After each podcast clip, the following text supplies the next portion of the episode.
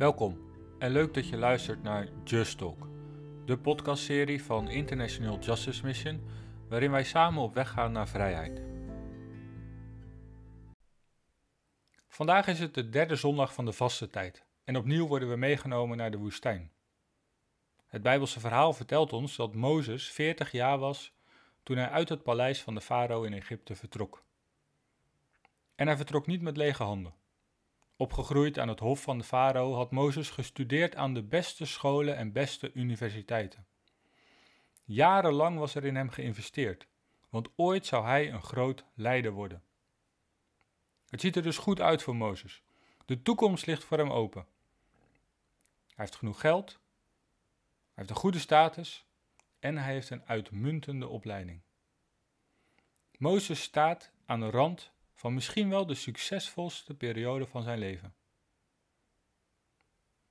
Veertig jaar na zijn vertrek uit het paleis komen we Mozes tot onze verbazing tegen in de woestijn. Hij werkt er als schaapherder. Maar het is niet alleen zijn werk wat ons verbaast. Een zoon van de farao die trouwt op zijn minst met een rijke prinses. Mozes is getrouwd met een eenvoudige herderin. En een zoon van de farao, die woont toch op zijn minst in een schitterend paleis. Mozes heeft niet eens een eigen woning, laat staan een paleis. Hij woont bij zijn schoonvader. Het kan dus blijkbaar heel anders lopen dan gedacht in het leven. Marco was zeven jaar toen hij werd misbruikt voor de webcam. Hij droomde te zijn als zijn held Superman, maar hij kon geen kant op. En omdat Gauri voor haar kinderen wilde zorgen en in geldnood zat, nam ze een lening aan van een misdadige eigenaar van een fabriek. De eigenaar verhoogde voortdurend de lening en dwong Gauri en haar familie om voor hem te werken. Foley werd op een jonge leeftijd gedwongen om als slaaf 18 uur per dag te werken op de vissersboot van zijn oom. Elsa werd bedrogen en verkocht aan een bordeel. Jarenlang werd zij nacht in, nacht uit misbruikt. Het leven loopt soms anders dan gedacht. En zo loopt Mozes daar als schaapherder door de woestijn. En dan opeens gebeurt er iets bijzonders.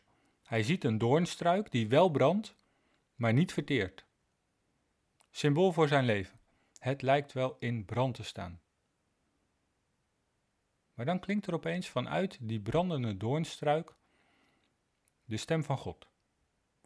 Want ook al lijkt het alsof alles verloren is en in brand staat, er is iets dat nooit zal verdwijnen. Er is iets dat ondanks alles blijft en steeds weer opnieuw zal klinken en dat is de stem van God, die ons bij onze naam roept. Opeens is Hij er, midden in de woestijn van het leven en Hij kijkt ons aan en Hij zegt, trek je schoenen maar uit, want die woestijn van jou is heilige grond. Ik ben er. Marco werd bevrijd door een team van IGM. De daders die hem iets aandeden zijn opgepakt en aangeklaagd. Na tien jaar konden we Gauri uit slavernij bevrijden. En na zijn bevrijding kon Foley naar school en weer voetballen. Elsa is vrij.